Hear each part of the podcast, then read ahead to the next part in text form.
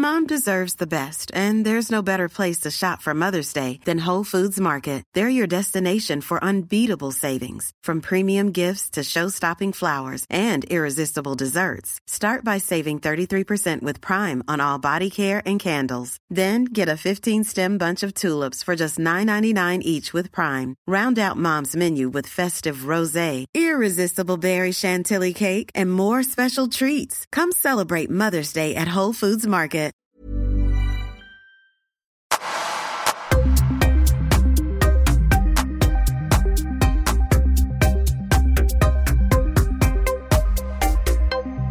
Magnus Edenblad, välkommen till Öppet sinne. Tack, fan vilken ära att få vara i öppet sinne. Ja, för du det, var ju... det var inte igår skulle jag säga, för det var det verkligen Nej, inte. det var två år sedan och då var du eh, gäst nummer ett i min podd som Boom. då hette Paul Elberg Podcast. Ja, faktiskt. Nu är det dags igen. Nu är jag tillbaka i öppet sinne. 2.0, Paul. Precis.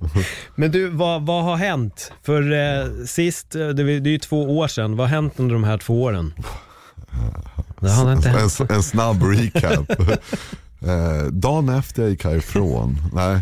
Eh, jag tänkte lite på det på vägen hit faktiskt. Här, vad, vad fan sa jag förra gången? Vad var mina tankar? Hur gick det liksom? För det händer ju saker, man utvecklas, man går i olika riktningar. Och, eh, men om jag tänker tillbaka två år och försöker komma ihåg vart jag var lite. Då var jag Ja, men väl det var lite i slutet av MMA, ska jag kliva åt sidan jag Precis, inte? Och... det var väl verkligen, och det var väl det jag landade i någonstans där. Då, ja till slut så, jag tror jag hade slutat då i alla fall. Mm. Eh, gått i pension liksom. Och eh, då var ju så här, det var ju klart att man hoppades att det skulle bli bra, att jag skulle komma tillbaka och jag har ju försökt ett par gånger sedan dess. Men ja, får jag alltid ont, alltså jag får alltid ont i nacken när jag brottas. Eller grapplas. Eh, men man, och det, det hoppet har jag lärt mig typ att acceptera att det finns där. Det är lite småhärligt nu att ha en så här dröm och önskan inom mig och inte se det som något negativt. Utan det är lite småhärligt att gå och fantisera ibland om att gå en MMA-match till. Men den stora skillnaden jag skulle säga kanske med det jag sa. Eh, hade jag behövt lyssna på det här. Men jag kommer ihåg när jag sa okej men nu slutar jag på MMA. Vad ska jag hitta som ersätter det här tomrummet som skapades? Och jag tänkte så här, okej, vad, och då började jag plugga där i samma veva, idrottspsykologi då, och bara, men det här blir min nya grej, nu ska det här ersätta MMA. Och jag bara insåg eh, relativt snart efter den tanken att, liksom, att det är fel tankesätt att gå. Jag skulle ju så jämföra som ett så här eh, ja, men ett livslångt eh, så här, kärleksförhållande där du, ja, men du har varit gift i 15 år, 20 år, ni har två barn ihop, ni har haft en så här jättelång resa tillsammans och alla ups and downs som det är i ett förhållande som jag upplever att jag och MMA hade ett förhållande. Liksom. Eh, och det händer så mycket och man bygger på den här känslan och det, det skapas ju av allt det här som är i det alla stunder man får uppleva, det är inte själva grejen i sig. Utan det är ju det man får vara med om på den resan. Och det var det jag insåg någonstans att jag kommer aldrig kunna ersätta det sådär. Nej. Kanske om 10 år, 20 år, då kommer jag känna så här, men idrottspsykologin var verkligen min grej. Vi fick göra det här tillsammans, jag upplevde det här. Jag fick åka på de här resorna med de här idrottarna eller vad som helst liksom. Och det är min nya grej. Men det går inte att hitta ett nytt förhållande och bara det här ska ersätta mitt gamla förhållande på en vecka, en månad, ett halvår. För det är liksom så lång tid och så många stunder, så många händelser. och man får istället vara glad över att man hade det och sen då försöka så här hitta något nytt man gillar att göra i stunden och så hoppas att den stunden blir till många fina stunder som sen om 10, 15, 20 år kommer vara en jävligt härlig resa. Jag gillar din jämförelse med, med relationer, för du har en stor poäng där i att vissa går ju också från relation till relation för att de bara vill hitta lyckan i en ny relation. Mm. Men ändå landade du i att det kommer inte gå riktigt just nu, utan man behöver sin tid och på sikt, absolut, så kan det här bli det som ersätter. Men jag tycker att det låter men, det, bra det, resonerat. Det du säger där, det är ju det som är en relation. Ja. Och det är det som är något fint i längden. Eh, om, man, om vi tar en relation nu, bara för att vi glider in på det. Och det kan ju ta MMA eller en relation. Eh, att man säger, ja men det ska vara en härlig känsla hela tiden. Det ska vara en kick, det ska vara så härligt och det är då man kanske byter. Nej men det var inte så kul längre, jag byter. Men för mig med MMA, det var ju många jobbiga stunder. Skador på vägen, förluster minskad motivation, tankar av eh, ja, otillräcklighet och precis som i en relation. Mm. Att de tankarna är där, om man faller för dem och så här, ah, jag skiter i det, jag måste hitta något ställe där jag aldrig känner så. Då kommer du leta hela livet för det stället kommer aldrig finnas. Eller den relationen kommer du aldrig finna. Eller den idrotten eller vad det än är, jobb eller liknande. Utan det är att man tar igenom sig de här ups and downs och man tar sig igenom skador och man tar sig igenom bristande självförtroende eller allting. Och det är det när man är färdig med det och tittar tillbaka så bara, fy fan, vilken jävla resa vi har gjort tillsammans. Mm. Och återigen, man tar en relation, alltså det är det så en 80-årig par gör. De tittar tillbaka och bara wow. Vi har liksom uppfostrat två av tre barn, vi har barnbarn, vi har gjort allt det här tillsammans. Det är så fint i det. Sen har inte det varit en dans på rosor hela vägen, det är en omöjlighet. Precis som för mig med min man. Ja. Alltså det, var inte, det är inte roligt hela tiden. Man har ont, det är jobbigt, man, ja, man tvivlar på sig själv och mycket problem med kroppen på vägen och så här, fan ska jag sluta nu, nu har jag så ont hela tiden och sådär. Men sen när man ser tillbaka och det, vad är det man säger, det är inte den hungriga dagen, eller det är den hungriga dagen. För det är just den resan som är det viktiga och det är det som blir målet någonstans. Men hur är det nu när du tittar tillbaka? När du ser tillbaka på ja, allt ifrån MMA-debut till UFC-debut och mm. vad, hur, hur, ser du din resa idag? Nej men alltså det är ju magiskt. Det, det är ju liksom den bästa resan jag har gjort. Ja. Alltså så mycket jag har lärt mig, så många människor jag träffar, så mycket jag har utvecklats som människa, fått möta mig själv på många olika sätt. Och det, det är det största jag varit med om på så sätt. Liksom. Eh, det är, det är otroligt häftigt. Och det, var en så, det är en så lång tid och så mycket arbete och så mycket liksom tankar och så mycket tid. Man, inte bara den tid man har spenderat i liksom lokalen utan också tiden man har varit i det. Det var det, var det enda väldigt, väldigt länge. Det enda jag så här, tänkte på, ville och bara var så otroligt single-minded. Det var en väldigt härlig känsla och det är så här. Och det kan jag vara så tacksam över som jag är som människa tror jag att jag kan titta tillbaka på det med bara härlig kärlek och glädje. Och även den här sorgen i det. Att det liksom är över eller att man tycker att det tog slut för fort, att man hade mer att ge. är också härlig. Alltså det är härligt att känna sorg. Sorg kan vara en fin känsla i sig. Att jag kan vrida om den i mig och känna så här, fan att jag, att jag älskade något så mycket som gör mig ledsen när jag tänker på det. Det är vackert liksom. Istället för att man går och grämer sig då över och bara, ah, fan jag borde gjort det. Och så blir man upprörd över det. Det är så här, jag känner en sorg vilket jag känner är fint i det. Ja, det är stort. Det är inte många som eh, vågar använda sig av de orden. Att de känner sorg eh, när någonting är, är, över. Men det låter som att du har hunnit eh, tänka väldigt mycket. Hunnit gå igenom. Ja, ja, ja. Alltså jag har haft tid att tänka, var ju två år nu. Men eh, sen tänker jag mycket. Alltså, jag, jag alltid grubblat och funderat och klurat och försöker komma på mina låtsassanningar för mig själv. Men det är det som är kul, det är där du och jag också på något sätt har, har nått och funnit varandra. Vi, vi, både du och jag är ju tänkare och vi brukar ju sitta och filosofera innan vi ska podda, eller innan vi ska kommentera och vi kan ju landa på alla möjliga, alla möjliga diskussioner.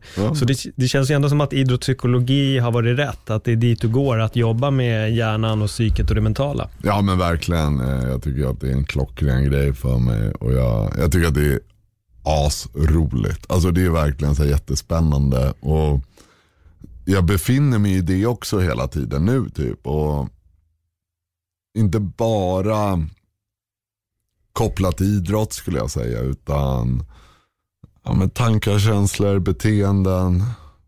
Hur det hänger ihop och hur det påverkar oss. Och förhållandet mellan dem och hur mycket kontroll vi har över det och sådana saker. Så det är inte bara kopplat till idrott. Jag tycker jag kan ibland känna att idrotten är ganska basal eller vad ska jag säga grundlig i den delen. För det är något vi istället också har med oss i alla saker som sker i vårt liv. Våra, våra känslor, våra tankar kommer påverka oss väldigt, väldigt mycket. Och här, hur lite kontroll vi har över dem. Och det är väldigt så här, bara, intressant ämne tycker jag som, alltså vi har ju bara skrapat på ytan. Alltså verkligen bara skrapat på ytan. Och det sa jag ju förra gången också, att det är en så här en framtidsgrej liksom. Och jag tror att det kommer växa otroligt mycket. På vilket sätt då?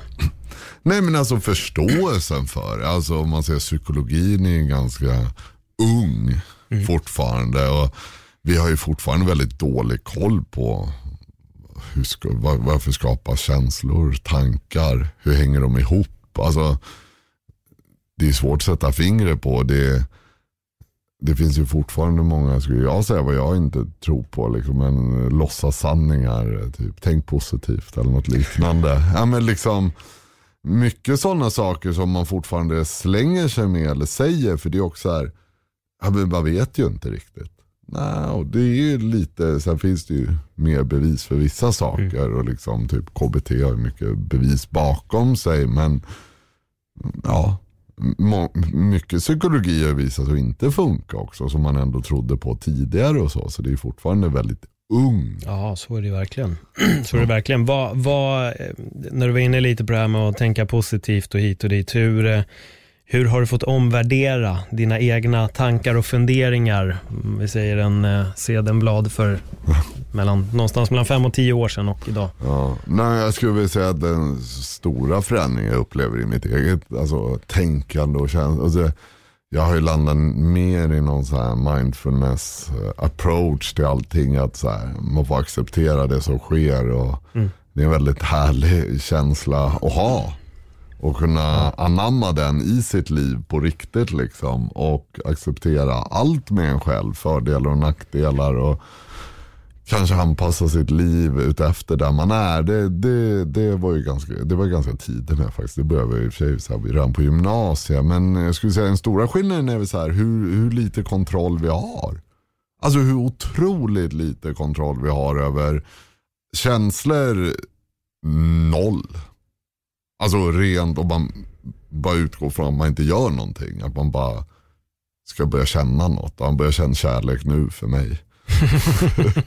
Nej men bli arg nu. Alltså liksom hur du ska skapa den känslan bara på beställning utan att göra något. Hur otroligt svårt det är och att vi inte har någon kontroll över det. Och så här. Och det kommer ju styra våra beteenden. Många av våra beteenden är baserat i att vi antingen vill undvika ett obehag eller söka någon slags lycka.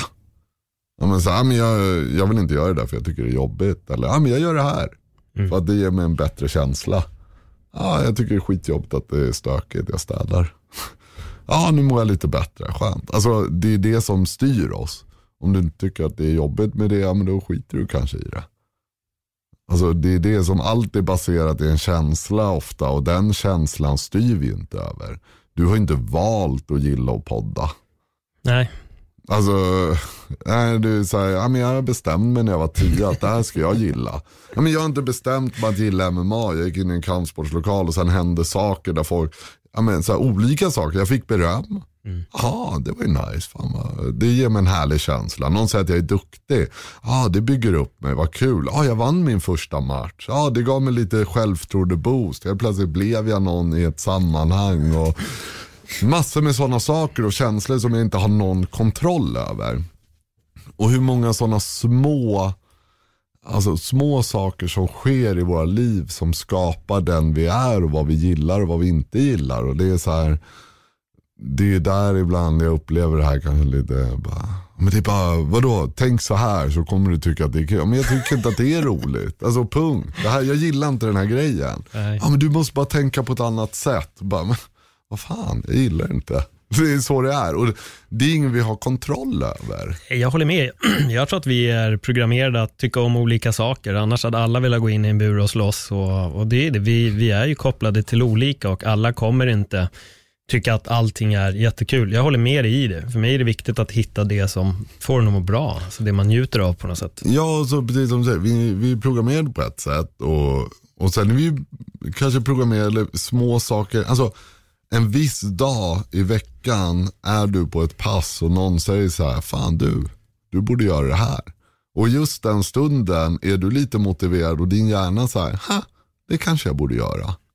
Ha, och han har ett nummer som leder till någonting, som leder till något annat och du har en känsla med dig på grund av att den händelsen var där.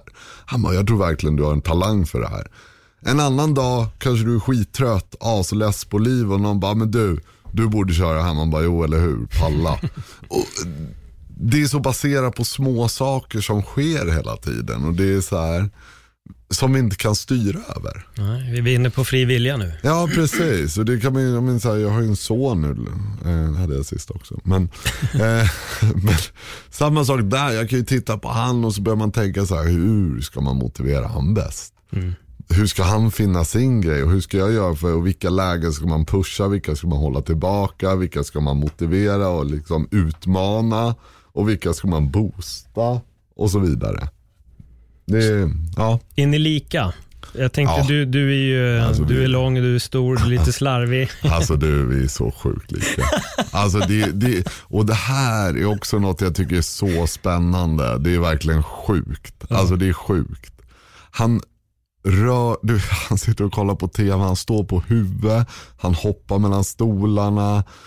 Så här, han rasar, alltså han välter ut allt. Alltså han, är- när jag var liten, vi hade ju då så här, vi var väldigt He-Man He-Man inspirerade och de, de heter ju så här orr, så här Skeletor och det var med sådana mossor och jättekonstigt, han, han var klädd i mossar tror jag. Men jag fick ju, och vi hittade på egna namn åt oss själva. En blev Starkor, en blev Klokor, jag blev Klantor.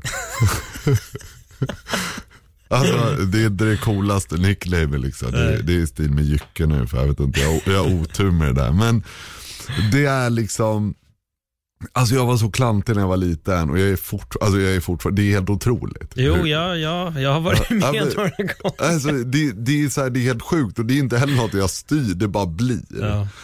Och jag ser på min son, du vet han ligger och så bara sparkar han ut något på bordet och så bara snubblar han över. Alltså han kan stå, han kan alltså stå still och snubbla. Det är helt otroligt. Han brukar stå så här vid sin cykel och så bara välter han. Man bara, hur gick det där till? För han typ tittar på något annat. Ja, jag var ute och åkte SUP, det var samma här i förrgår. Och då var det så här att jag åkte med min fru och står och paddlar på den där och så typ pratar hon och jag tittar åt sidan och bara välter jag. Så här, hon bara, vad gör jag? Varför rasar jag? Jag vet inte, jag typ tappar fokus eller något. Nej, Så han är otroligt lik och jag är väldigt slarvig. Och alltså han är så slarvig. Och det är också så här, han kan då min fru är på honom, ah, men du måste städa, du måste plocka undan, du måste hålla lite ordning. Han ligger ju hellre då på golvet och skriker i panik i tre timmar än att ta upp två tidningar på golvet. Ja. Det är liksom, och där är ju då så här, vad, vissa barn säger man så här, men nu får du plocka undan och de bara, okej. Vissa tjatar du på en halvtimme, vissa tjatar du på en kvart, vissa tjatar du på i fem minuter. Vissa tjatar du på i två timmar tills du bara säger okej nu går det faktiskt inte längre.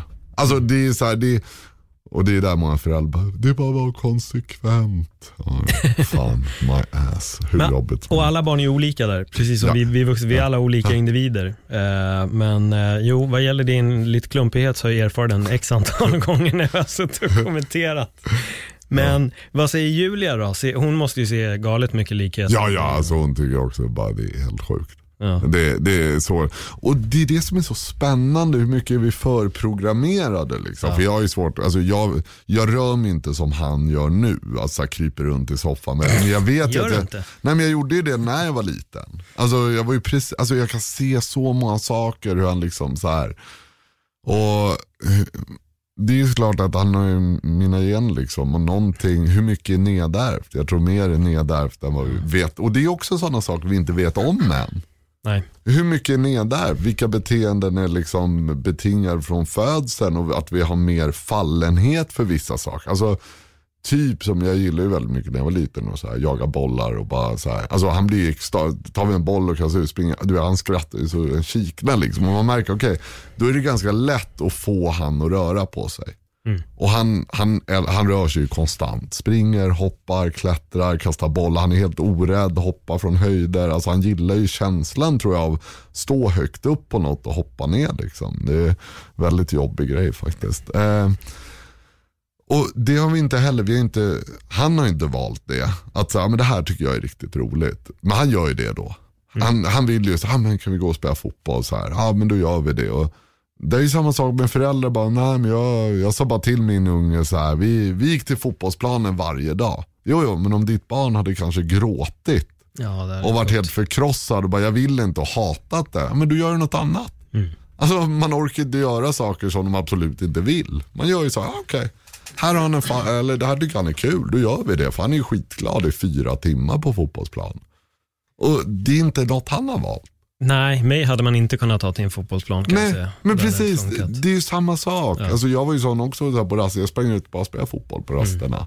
Sen cyklade jag och spelade tennis och jag, alltid, jag älskar ju bollar liksom.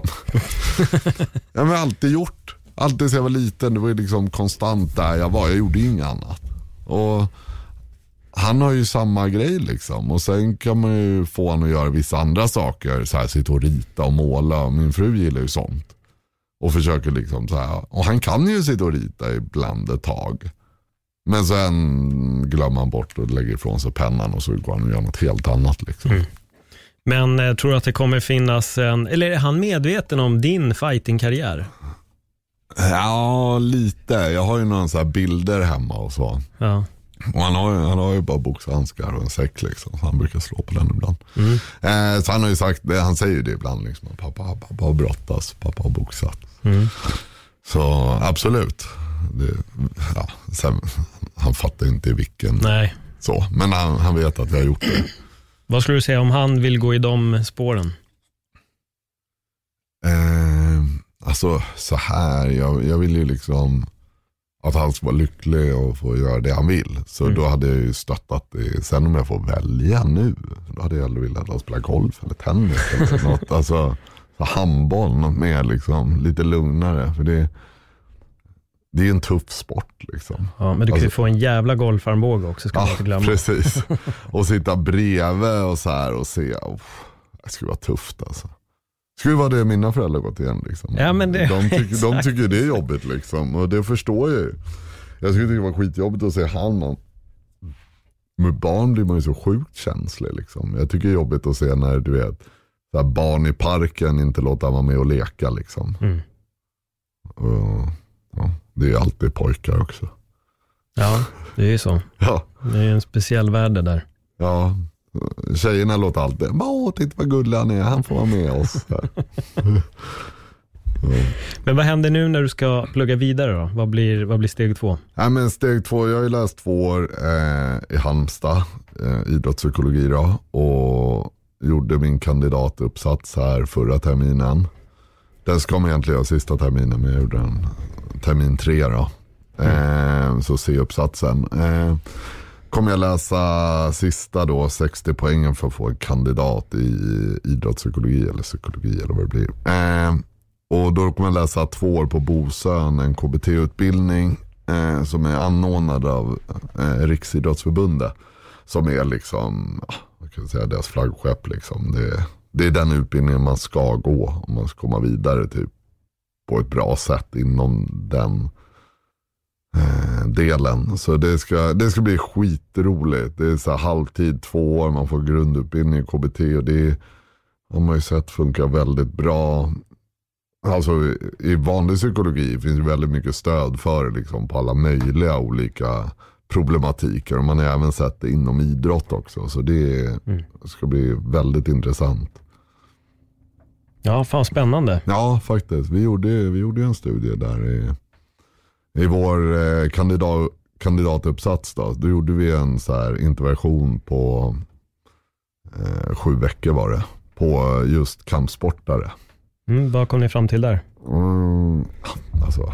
Eller vad, vad var syftet med studien? Om vi Precis, syftet med studien var ju egentligen att skriva en kandidatuppsats. Men, eh, nej, men alltså min tanke var ju, alltså så här var det. Eh, det var typ i första året eller om det var första terminen rent utav så läste jag en bok om, eh, skulle vi kanske säga ett nytt sätt, eh, ja nytt får vi säga för det är relativt nytt, eh, och se på idrottspsykologi och hur man arbetar med tankar och känslor och beteenden. Liksom. Eh, och när jag läste den boken så kände jag så här bara shit, det här var ju precis så jag själv gjorde i slutet av karriären.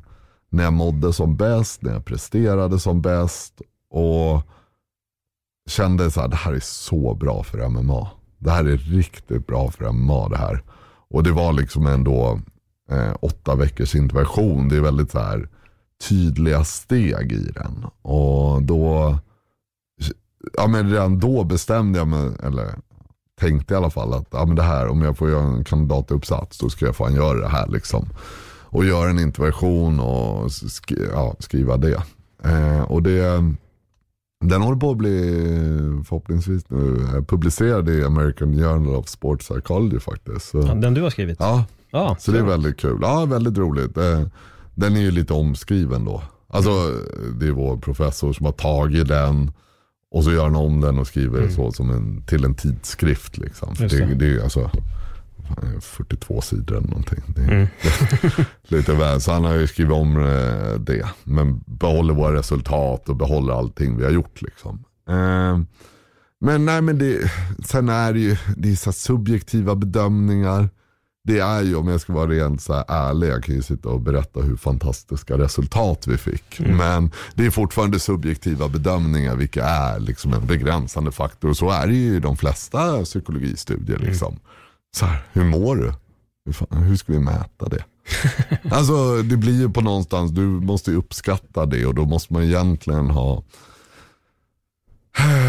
Ja, så det blir väldigt svårt. Men det är därför vissa idrotter är lättare. Där det finns ett mätinstrument. Och vi kan faktiskt mm. mäta och se om det har blivit bättre. Men vi såg ju då att det blev bättre i alla fall. Eh, med den subjektiva bedömningen. Så här, välmående och icke undvikande beteenden. Och även då mindfulness-delen och fokusen som är och har ju visat i en hel del studier att det är en av de viktigaste faktorerna att ha, eh, ha i idrottssituationer. Och det, det är de två, man jobbar med tre delar, den, den heter MAC. Och det är då mindfulness, acceptans och commitment. Och mindfulness-delen handlar ju då, det är ju fokus, uppmärksamhet, att du ska kunna styra din uppmärksamhet. och om jag går in lite på det så är det just det att uppmärksamhet är ju en begränsad resurs. Vi klarar inte av att ha vår uppmärksamhet på massor med olika saker samtidigt och prestera bra. Och om man ser idrottssituation så är det ju då man ser det ultimata eh, fokuskänslan i en idrottssituation skulle ju vara flow. Ja, det var precis det jag satt och tänkte ja. på. Bästa mm. sätt att hitta flow låter det nästan Precis, och det är det man vill komma till. Att du är mm. bara uppslukad av the moment. Alltså det, om du är i en fight då så står du inte och tänker, ah, nu kanske han slår en vänster, nu kanske han slår en höger. Vänta, vad, vad, fan det kommer spark. Mm. Eh, utan du bara är där. Du, du, tankar som då till exempel så här, oh shit jag orkar inte, det här är skitjobbigt, fan nu håller jag på att förlora. Eller vänta nu måste jag kämpa igen, kom igen nu. Jobba, jobba. Alltså du bara är i the moment. Och det, det är alla idrotter, jag spelar en del golf nu, det är samma känsla där. Liksom. Du ska inte stå och tänka på massor med saker och bli upptagen med dina tankar. Mm. Så, ah, men där tänkte jag så, där tänkte jag, oh shit och nu känner jag så här. Utan mer ett bara varande.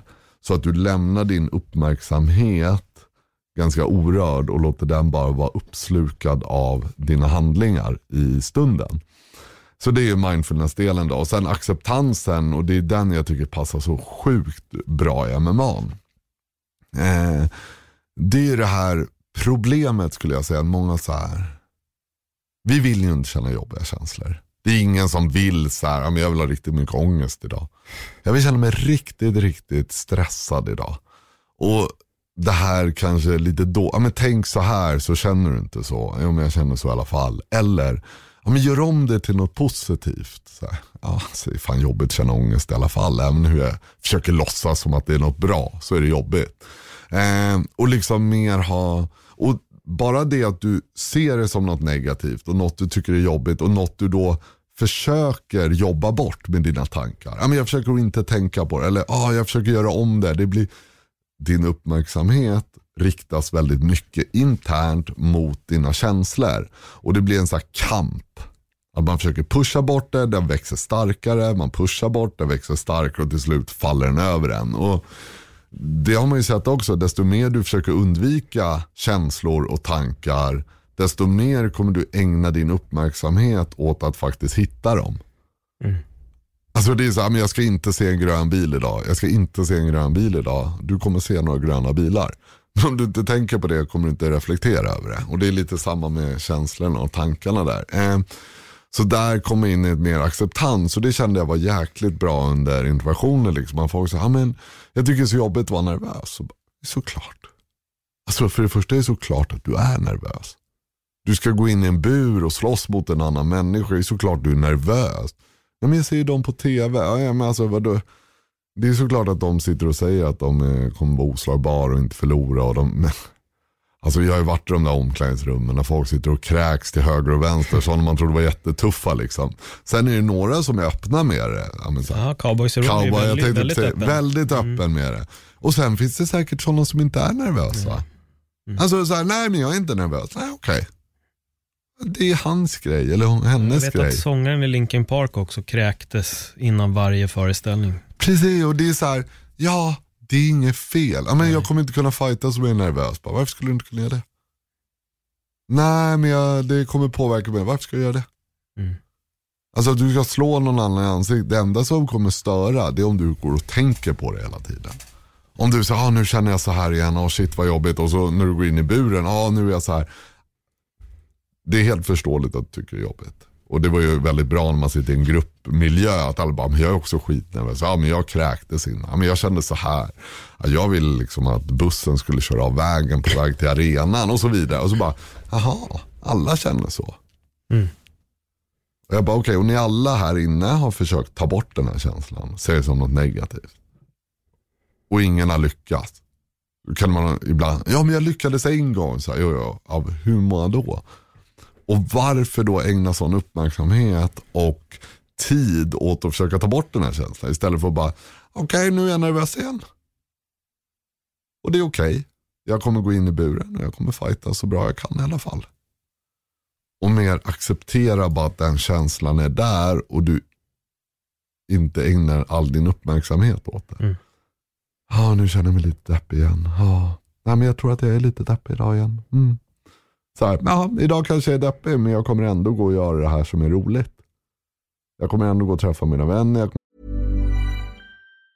Mom deserves the best and there's no better place to shop for Mother's Day than Whole Foods Market. They're your destination for unbeatable savings. From premium gifts to show-stopping flowers and irresistible desserts. Start by saving 33% with Prime on all body care and candles. Then get a 15-stem bunch of tulips for just $9.99 each with Prime. Round out Mom's menu with festive rosé, irresistible berry chantilly cake, and more special treats. Come celebrate Mother's Day at Whole Foods Market. Everyone knows therapy is great for solving problems, but getting therapy has its own problems too, like finding the right therapist, fitting into their schedule, and of course, the cost. Well, BetterHelp can solve those problems. It's totally online and built around your schedule. It's surprisingly affordable too. Connect with a credentialed therapist by phone, video, or online chat, all from the comfort of your home. Visit betterhelp.com to learn more and save 10% on your first month. That's BetterHelp, H E L P. Vem vet, jag kanske blir glad efter ett tag. Och sen eh, sista delen då, commitment. Bara Innan vi går, in, går vidare förlåt, på commitment, för jag tycker acceptans är väldigt eh, viktigt, för det är något jag har jobbat väldigt, väldigt mycket med i min egen vardag och det här Ja. är någonting som jag verkligen tycker att alla ska ta åt sig av. Acceptans gäller ju i allt. Ja, ja. Att acceptera känslor, vilket jag har fått göra. Jag är en känslomänniska och Mm. försöker finna mig, men jag vet inte om jag berättade det, för det är när jag badade isvak, en av de första gångerna så frågade jag killen som lärde mig att bada isvak då. Då ställde jag frågan till honom, när, när blev det varmt? När upplevde du att det blev varmt i vattnet? Så tittade han på mig fast Paul, det har aldrig blivit varmt. Jag accepterar kylan. Mm. Okej, där, då fattade jag. Fan, det är klart. Jag ska inte gå in och tro att det helt plötsligt blir varmt, men om jag accepterar kylan, ja, då kommer kylan upplevas behagligare. Och det här är väl, alltså om vi tar det som kylexemplet, för det är ju ganska bra liksom, analogi till tankar och känslor. Mm. För desto mer du kämpar emot kylan, desto mer du spänner kroppen. Bara, det är så jävla kallt, men om jag biter ihop riktigt mycket här i isvaken och bara spänner varenda muskel i kroppen så kommer det nog kännas bättre. Nej, det är när du bara accepterar och slappnar av och går in i din andning och bara är. Mm. Det är då man får den här känslan av att "Ha, jag kan hantera det här. Och det är det som är så intressant för där tar ju amygdala tag i dig ibland. Ha, det är åt helvete, jag kan, fan vad jobbigt det är, för helvete, jag måste upp och så bara tillbaka till andningen, fokusera, håll dig lugn. Och så håller ju den där kampen på, fram och tillbaka, fram och tillbaka. Och det är där då man måste lära sig, alltså desto mer du gör det desto bättre blir det för du vänjer vid situationen och så liksom. Men det är ju fortfarande acceptansen som är nyckeln. Ja. Och så kan vi bara göra en rolig, vi gjorde en sån, det är väldigt så här enkel grej och för många blir en så här, ha, det är som att hålla andan.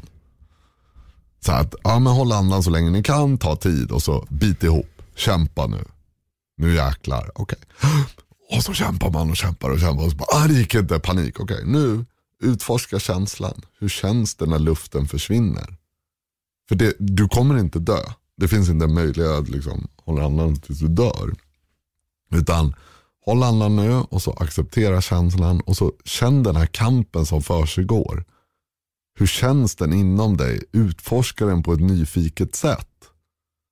Och det är då man börjar säga, ah, nu kommer panik, jag måste stanna, vänta hur känns det, vad är jag? Och liksom kan finnas i det, för det är en kamp där. Hela tiden, alltså springer du på ett löpband, samma sak.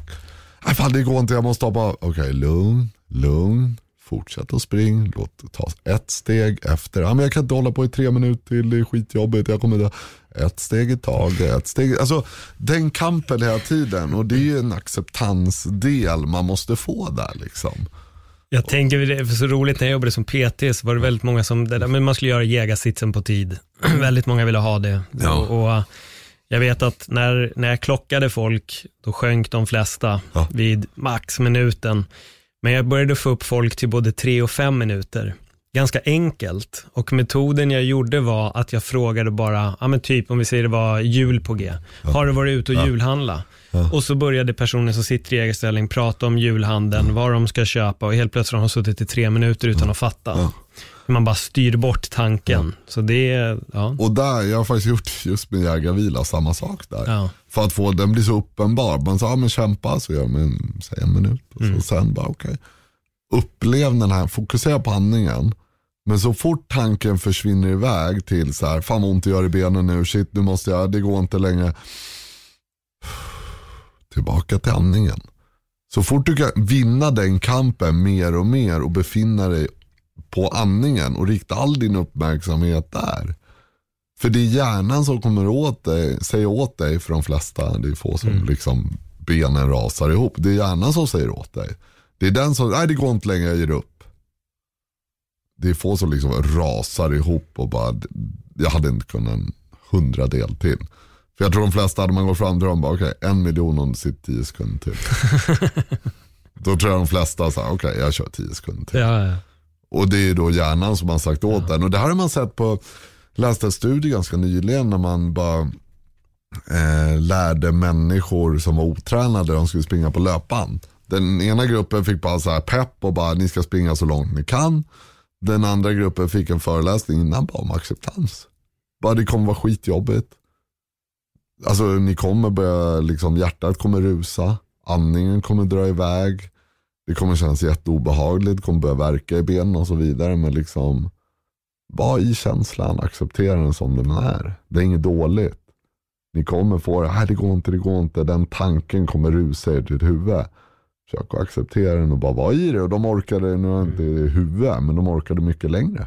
Jo, men förut sa man väl det, att kropp, att hjärnan väljer att ge upp, men då har man 60% Precis. kvar att ge. Ja, ja, men alltså, det finns, jag vet inte exakt så här, siffror, men det är ju Ja. så det är. Det är hjärnan ofta säger åt dig, bara, "Ah, men nu går det inte längre, jag kliver av löpande och så går du och köper en glass. Ja. Eh, alltså, du, precis samma sak, så här, en miljon om du springer 10 sekunder till. Ja. Ja. Det är sjukt det här. Jag tycker acceptans är jätteintressant. Som sagt, jag har jobbat med det jättemycket, det vet ju du, även Ja. mindfulness också. Men det sista var commitment sa du. Ja, precis. Eh, och där är ju bara, det är ju det här att skillnaden kanske man pratar om eh, motivation. Och, det är tråkiga, jag försökte så här i den här kursen då försökte man hitta ett bra ord för commitment. Blir Så här, jävla anamma typ. Alltså, nej, men det, är så, det är svårt att hitta något riktigt bra ord för det. Commitment innehåller ju en hel del saker. Eh, men det är väl lite det här att man kommer bort från eh, motivationstänk. Ja, men jag måste känna mig pepp hela tiden och mer grunda sig i det här commitment mot, eh, man arbetar lite med något som heter värderad riktning. Så här, vem vill jag vara i det här? Vad vill jag liksom? Och så har man lite målarbeten då kring det här. Process, beteende, mål och så vidare. Mindre fokus på resultatmål egentligen. Eh, men att man ska grunda den här känslan liksom att så här, ja, men, resultat kommer av commitment. Genom dåliga känslor. För ja, men jag måste känna mig pepp, jag måste känna mig motiverad, jag måste känna, alltså, det är som ja, du som tränar mycket och sköter kosten. Så här, är du alltid pepp Paul? Nej. Nej, nej precis. Frågar så här, idrott, är du alltid pepp? Känner du alltid så här, nej för fan. Nej verkligen inte. Men du går ut och springer varje dag, är det alltid härligt? Bara, nej, absolut inte. Men det är ett commitment till handlingen liksom. Och man försöker grunda det i det mer och få folk att bibehålla ett beteende oberoende av känslor egentligen. Skulle jag säga. Och det är det som gör att folk kommer längre liksom. Och det är en, och jag kan ju se till min egen karriär, liksom, det är något bortom det här. Ja men det är kul att träna. Det är kul med MMA, det är något liksom djupare inom en. Det tar upp ens väsen på ett Nej, annat men det är en passion på ett vänster. Jag Precis. tror att de här eh, typen av yrkena kräver ju passion på riktigt. Annars gör man det ju inte. Det går inte att gå in halvhjärtat. Speciellt inte när det kommer till MMA. Fighting överlag, då blir det ju farligt. Visst, som golfspelare kan du gå in halvhjärtat. Det värsta som händer är att du slår dåligt. Men, Ja, du kan gå in i en tävling halvhjärtat, men du kan aldrig gå in i en satsning halvhjärtat i någon idrott. Alltså, många idrotter kräver ju liksom ännu mer tid. Mm. Alltså det är så här, ja men du måste stå och grinda 12 timmar per dag. För det är en annan som gör det. Om inte du gör det och du ska tro att du kan lista ut det på fyra timmar. Det är ingen som gör fel på högsta nivå, alltså grova fel. Alltså det går inte att hitta någon lösning som det här, ja men nu behöver jag bara träna två timmar per dag medan han tränar 12 timmar. Han kommer vinna. På en vecka, på en månad, på ett år, på tio år. Så har han tränat så sjukligt mycket mer än dig. Och kommer vara så sjukligt mycket bättre. Jag tror vi som människor har vi en känsla av att vi vill ju att allt ska gå så fort som möjligt. Mm. Vi vill göra med så lite ansträngning som möjligt. Det är en så här grundförutsättning. Det är en så här, nej men jag vill gå ner, gå ner i vikt på tre år. Om jag kan göra det på en vecka. Ja, men jag vill komma i bra form på fem år. Om du kan göra det på två dagar. Alltså, det är inget, och vi vill göra det med så lite ansträngning som möjligt. Alltså det är det alla träningsprogram, det är det som tilltalar oss som människor. Ja men här kan du sitta i soffan och göra det och bli i bra form. Fan vad nice.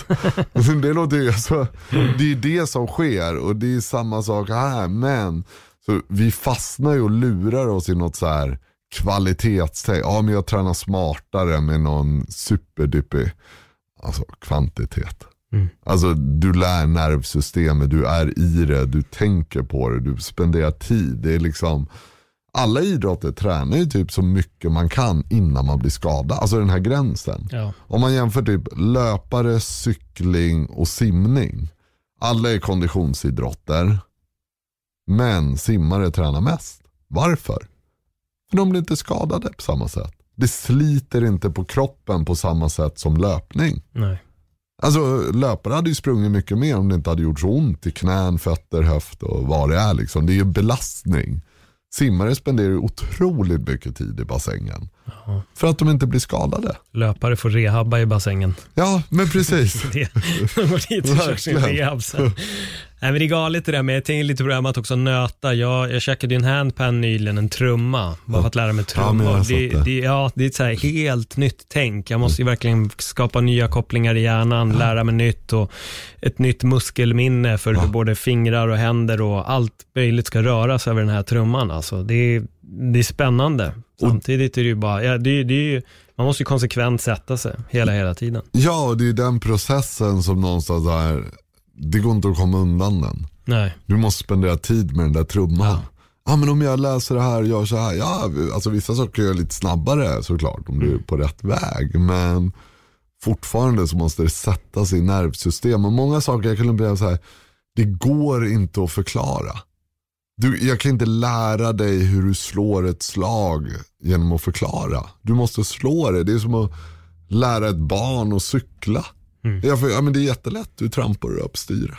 Alltså det är inte så svårt. Ja, men du trycker ner den foten så låter du den andra slappna av så åker den upp och så kör du det runt, runt. Ja, okej. Ja, du måste göra det. Och sen när det väl sätter sig i nervsystemet, när du väl cyklar, då känns det så här, "Ah, hur ska jag kunna göra fel? Alltså, du gör ju inte tvärtom helt plötsligt. Nej, jag tycker min teaterlärare sa en väldigt bra grej angående att läsa massa teaterböcker och sånt. Det kan ni absolut göra, men ni kommer inte lära er att segla en segelbåt genom att läsa en segelbok på, en segelbok på toaletten. Nej. Och det stämmer ju. Man Ja. måste ju ut, man måste praktisera, man måste testa, man måste stå på scen, man måste göra. Precis. Eh, Och jag tror, ibland är det nog folk som bara tror att det är, ja men vadå, jag har sett det här och det här och så nu är det bara att gå match. Ja, Men nej, nej, man måste det- drilla också. det är ett par delar till. Men vad, vad var effekten när eh, fighters började applicera det här? Och vad, och hur upptäckte du egentligen det här för dig själv? Du säger själv att det här var något, det, det Ja, känns men- som att det resonerade med dig. Ja, att du hade precis. Nej, jag, jag, jag gick ju till en så KBT-terapeut eh, i slutet av min karriär. Och eh, han, en del av eh, fjärde vågens KBT eller vad det är, så är det ju ACT också, en vidareutveckling också på KBT. Ett sidospår kan man säga, som funkar med vissa eh, problematiker bättre. Och det, det är ju egentligen, ja, ACT är ju MAC. ACT är Acceptance Commitment Therapy.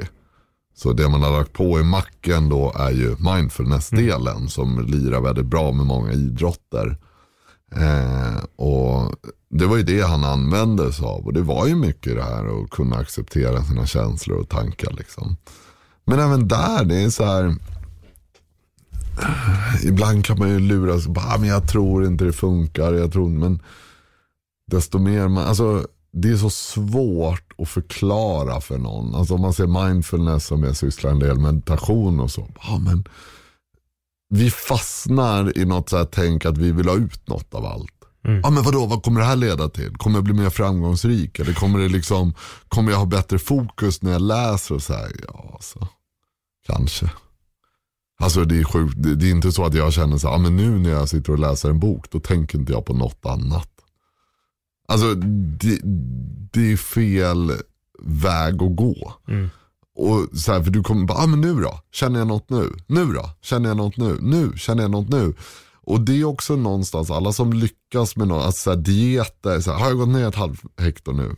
Ett halv gram? Vad gick jag ner nu? Det är de som bara börjar helt plötsligt så här, ah, nu äter jag bra och rör på mig. Och ha, nu har jag gått ner några kilo också. Alltså du är i processen och njuter av processen. Som att meditera, att du helt plötsligt börjar uppskatta att meditera. Mm. Ja men nu sitter jag i 10-20 minuter. Ja men hur mycket sitter du varje dag Paul? Exakt, hur mycket sitter du? Har du timer eller hur gör du? Bara, alltså, ibland sätter jag mig ner i 30 sekunder. Ibland sitter jag ner i 10 minuter, ibland 20, ibland 5. Alltså, ja men vad är bäst att göra? Hur ska man sitta? Vart ska man sitta? Hur ska man göra? Bara, Det där är inte de viktiga frågorna. Nej, jag håller med. Jag Och håller med. Vad får jag ut av det då? Mm. Vad leder det till? Vad är lätt för dig? Bara, Så det är en resa man är på liksom. Mm. Och sen tror jag att det leder till väldigt mycket positiva saker. Och det kan man också diskutera då vad man får ut av det. Men jag vet, jag tycker Sam Harris sa det väldigt bra. Det var ju så här, det är inte vad du får ut av det utan det är själva processen och resan i sig då som det jag säger. Men eh, det är som att förklara för ett barn, så här, varför ska du läsa böcker? Ja men det är bra för du kommer klara skolan, du kommer få ett jobb och så. Men nej. Och lära sig att läsa kommer kunna ta ut dig på sådana resor och ta dig till sådana platser du aldrig hade kunnat vara på annars. Och bara kunna läsa en bok och ta dig till en annan dimension liksom. För det är vad en bok gör. Du läser och helt plötsligt försvinner och befinner dig någon annanstans och bara wow shit. Vilken upplevelse den här boken var. Det är, jag tycker att det är en väldigt bra liknelse. Du kan inte förklara det för någon. Jag kan inte säga det till min son när han ska börja lära sig att läsa, bara det här. Utan han måste lära sig läsa och sen när han har lärt det så kommer han få uppleva massor med saker. Och det är samma sak med meditationen. Du måste göra det, du måste vara i det och sen kommer du få uppleva häftiga saker. För den, jag upplever ju det med just tankar och känslor. Ja. Man kan betrakta dem. Och jag, mycket sådana här saker hade jag ju hört innan. Mm, eller hur? Men så bestämde jag att jag ska ge det ändå en tid här. Och det var ju när jag tävlade. Liksom. Och så, nu några år senare ska jag ju ändå så här, ha, det är coolt alltså. Ja, det är, jag håller med. Det är svårt att beskriva. Jag vet bara var jag var när jag mediterade som mest och vad som hände när jag slutade. Då blev det väldigt tydligt, allting man egentligen, eller jag, hade uppnått. Eh, Och jag tänker bara lite på det här med böcker, för jag, jag tycker synd att så få människor läser böcker. Min pappa har alltid sagt till mig att kunskapen tar ingen plats. Och jag fattade nog inte riktigt det när jag var liten, typ Lokes ålder och sånt där. Men nu har jag verkligen förstått vidden av det. Jag såg ett annat så här, afrikanskt proverb som var att när en gammal man dör, eller en gammal kvinna dör, då brinner ett bibliotek ner. Mm. Jag tyckte den var så jävla klockren. Det är riktigt, riktigt Väldigt bra. Och vi har ju möjlighet till, till kunskap och för mig är det också stor skillnad att lyssna på en bok kontra att läsa den. För när du läser den så får du precis, det är du som tar dig själv till den andra dimensionen och det är det som är magiskt med böcker. Ja, det är, alltså, om vi bara, det du nämnde med kunskap, jag kan tycka att den processen är så himla häftig. Mm. Så här för någonstans, ja, men, om vi tar idrottspsykologin som jag läser mycket och sådär, en sak att man, ibland kan ju folk säga, ja men det är logiskt. Mm. Men sen när man väl, du vet man kan höra något och bara känna hur det gör kopplingar i skallen som får ut någonting och man bara okej jag ser. Jag ser det klart. Alltså jag kan ju se en MMA-match nu som jag har kunskap om, bara se vad, många ser en, alltså ser grappling, ja de ser två människor ligga på marken. Men någon som har kunskap ser någon helt annan sak. Alltså en vinkännare, jag dricker ett vin och ja det är vin, punkt. Men någon som har kunskap om det förändrar. Och det är kunskap förändrar upplevelser. Alltså det, mat, samma sak. Alltså någon smakar någonting och bara det är en köttbit. Ja, ja. För en annan är det helt olika nyanser, helt olika toner, helt olika konsistens. Alltså, Det är så mycket mer och det är ju samma sak. Kunskap förändrar upplevelser. Alltså, titta på en MMA-match för två personer så ser vi två helt olika saker. Ja, så är det verkligen. Jag brukar till och med säga att tio personer som går på en fest brukar ha tio olika upplevelser av festen. Men så är det ju. Ja. Vi upplever alla olika och det är också baserat på våra känslor vad vår uppmärksamhet riktas mot. Två människor kan ju gå in, alltså, ja, alltså jag och min fru är helt olika. Vi kan gå in på en och bara, åh såg du det där? Bara, Nej, men såg inte du det där? Nej, alltså för att vi har helt olika, upp, alltså att ha en konversation, jag kommer ju komma ihåg de sakerna som attraherade mig. Mm. Alltså en, läsa en text, det har man ju sett otroligt många studier på också, att vi har ju våra biases. Ja, ja. Vi vill ju hålla kvar vår världsbild. Till, ah, men läste du inte att det stod sådär? Det, är- du vet, det är det jag sagt hela tiden. Men har samma text en annan person läst det bara, jo fast det stod ju faktiskt så här i början. Ja ja men det var ju bara sådär, det var inte riktigt. Alltså, Har du hört den här jämförelsen med elefanten? Den måste du ha hört. Tio personer ser en elefant från, betraktar en elefant från olika delar. Mm. Den ena ser svansen och Ja, ja, ser en precis, ja. mus, den andra ser en Ja. slang. Och det, Ja. jag, jag tycker den är rätt bra, Ja. medan när de här tio då enas, Ja. då kommer man kunna prata om det på ett annat Precis, sätt. hela bilden. Och det, det där är speciellt, alltså upplevelser och uppfattningar av saker, det är en väldigt Ja, men det är väldigt speciellt. Och jag tänker lite på MMA nu när du ändå har varit borta från din egen Mm. fighting ett tag. Hur, hur ser du fighting idag nu när du studerar det, analyserar det och jobbar som kommentator med det? Eh, om jag ska ta, alltså det, jag väljer frågan som jag vill välja. Ja, Eh, kör. Du får tolka den på ditt sätt. Nej, men om jag ser just så här, träningssynpunkt och utvecklingssynpunkt så något jag kanske, och det sa jag även när jag tränade, liksom, att det, i MMA är det fortfarande lite för lite fokus på processer eh, och delar i fightingen. Så, men hur träffar du en höger? Man slår en höger, det är det. Och så har vissa tur och lyckas slå den bra. Alltså just så här, vilka knogar vrider in och när man tränar det så tror jag att man skulle lägga mer tid på just den delen. De här små delarna, små processerna som liksom, hur träffar du en perfekt armbåge? Och det, folk använder inte det än. Liksom. Eh, och sen om man ser MMAs utveckling, alltså jag faktiskt varit nere idag, jag håller ju pass på Allstars och håller PT och sådär. Alltså, det är så sjukt hur bra många är där. Alltså det är helt sinnessjukt hur bra många är där. Nu kan jag säga att då hälften av, eller hälften, typ alla. Ingen är ju från Sverige. Eller, ja. Ja, men då kommer många med Kamsat och Ja, hela alltså, Bilal. de, och... de är så bra. Alltså de är så löjligt bra. Och det är så här, Bilal, vad han tränar MMA i två år. Mm. Två år har han tränat MMA. Och typ Kamsa, vad har han gjort? Tre, fyra år MMA. Och du vet, jag såg han idag. Ja, det är så sjukligt bra. Alltså det är så sjukligt bra. Alltså mot folk som är bra så är det, there's level to this shit. Ja. Och det är, alltså, det är många där. Det är inte, jag såg en kille idag, jag vet inte, eh, ryss, närheten av Ryssland någonting. Eh, och 8-0, 20 år gammal. Alltså det är så bra. Så vet, så här, bara, man ser en striker och bara, oh, striker. Nej, han är brottare. Nej, eller han är, är han grappler kanske. Nej, Jag vet inte. Det är så sjukt bra. Och det är det här som är, och som vi pratar om, gå tillbaka till commitment-delen. De här bor på gymmet, de lever på gymmet, de tränar som Andreas sa, de har gjort så här 40 sparringronder den här veckan. Uff. Alltså, och de fortsätter, han får liksom så här, ni måste ta ledigt nu. Nej, då står de och slår säck. Då står de och slår plattor. Då håller de på att träna på den där sparken. Då håller de på att utveckla en armbåge. Alltså, det är bara i det. Det är inte så här, men jag går ner och kör mina två pass eller jag kör mitt ett pass. Utan det är konstant, alltså, det är sån hunger och sån liksom passion i det. Så det, är- ja, det, det kommer vara så bra när många, alltså, ja, något år, ett, två år. Alltså typ som Kamsa är väl den som Han är ju signad nu med alla Ja, alla ja, ja, jag vet. Och det är väl liksom, han är väl den som nu har gått flest matcher och kanske så. Men det är många som är där bakom. Men han är ju den jag har sett mest också. Det är, ja, alltså det är bra, bra UFC-nivå. Jag skulle, alltså jag, så, jag skulle vilja se honom mot någon riktigt, riktigt bra. Eh, han kommer väl få göra en resa, men jag sa det till en polare, jag är inte chockad om han gör någon så här. Ah, han får gå en UFC-match i år, nästa år eller någonting. Och så, ah, han vinner två, tre matcher första året. Nästa år vinner han två, tre matcher, dominant. Osman-variant typ. Ah, nu är han 8-0 i UFC-titel. Mm. Alltså det är så bra. Det är på den nivån liksom. Och, ja, och det är, det är många delar som är sjukt imponerande.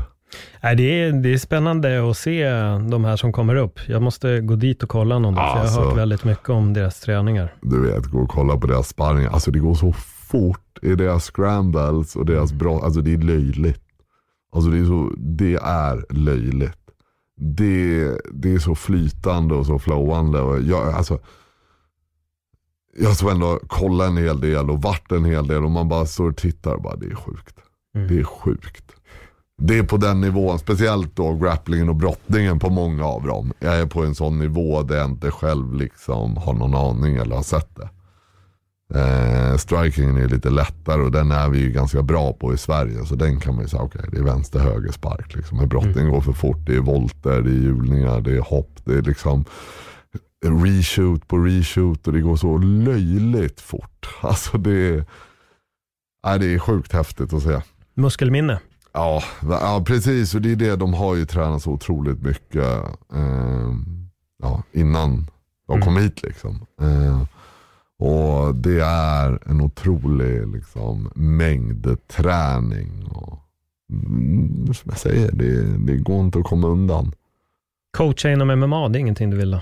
Jo, jag, jag är ju på Nacka och är ansvarig för deras mm. MMA-satsning. Nej, men jag tänker lite mer alltså verkligen UFC-kaliber. Ja, absolut. Alltså, jag håller ju då klasser. Vi, har ju någon, vi hade en kille som vann SM och så där. Eh, så det är kul. Och så är det några andra som är bra. Men absolut skulle jag vilja coacha MMA.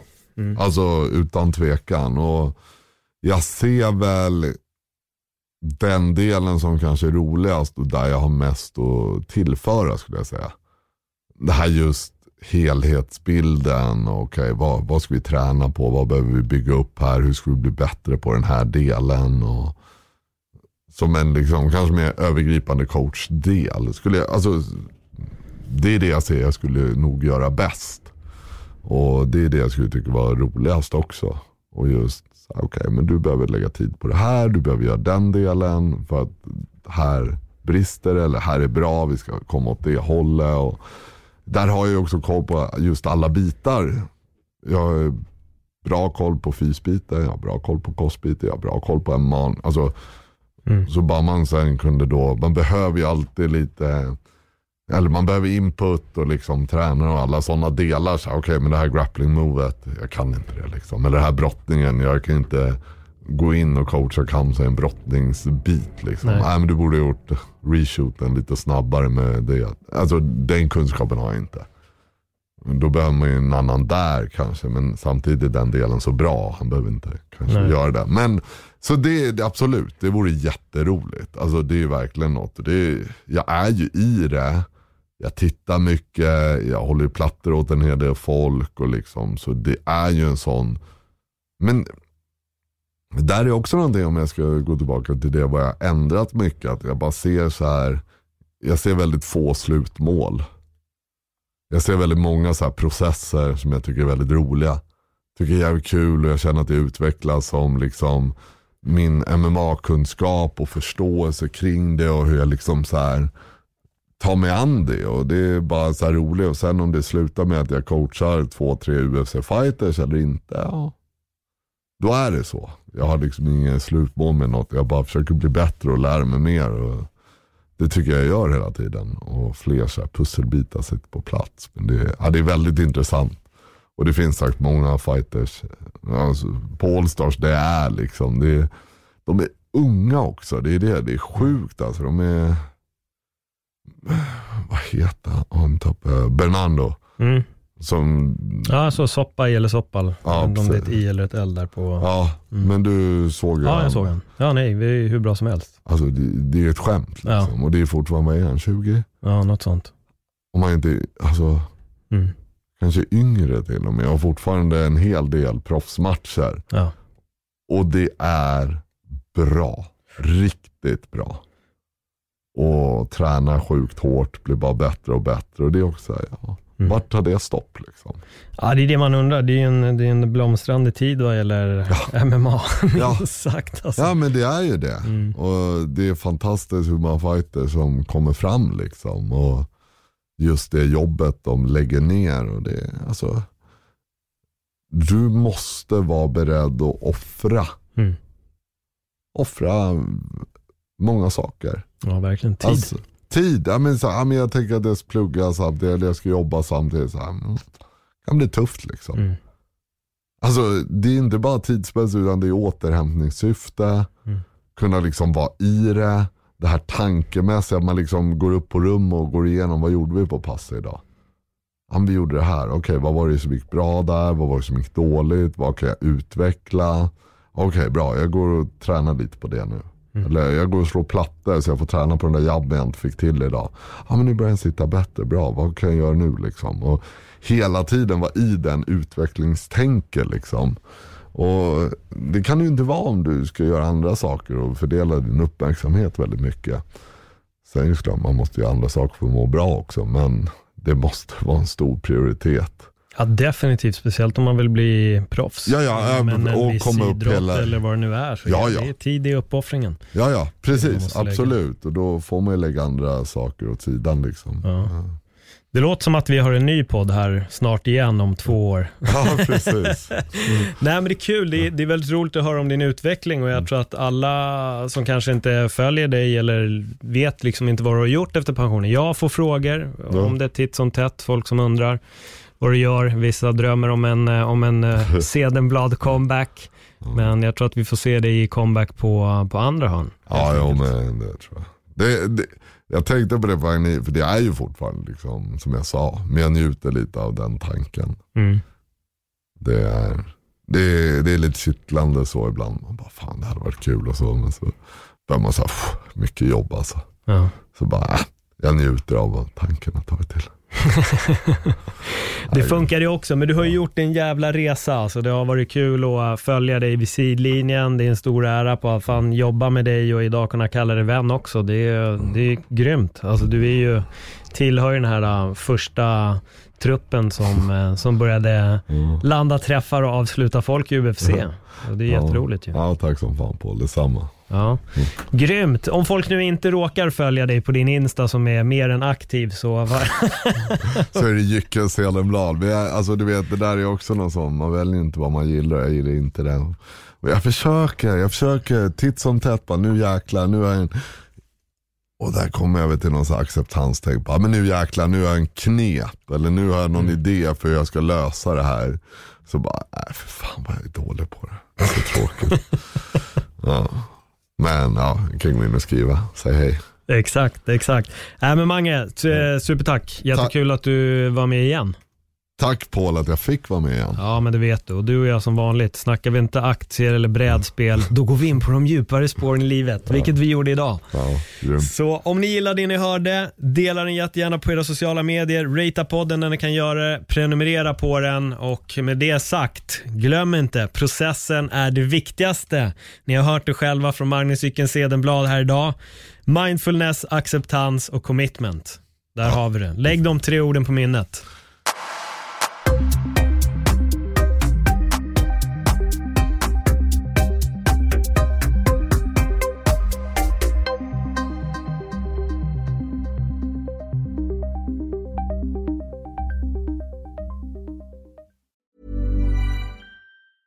Mom deserves the best, and there's no better place to shop for Mother's Day than Whole Foods Market. They're your destination for unbeatable savings, from premium gifts to show-stopping flowers and irresistible desserts. Start by saving 33% with Prime on all body care and candles. Then get a 15-stem bunch of tulips for just $9.99 each with Prime. Round out Mom's menu with festive rosé, irresistible berry chantilly cake, and more special treats. Come celebrate Mother's Day at Whole Foods Market.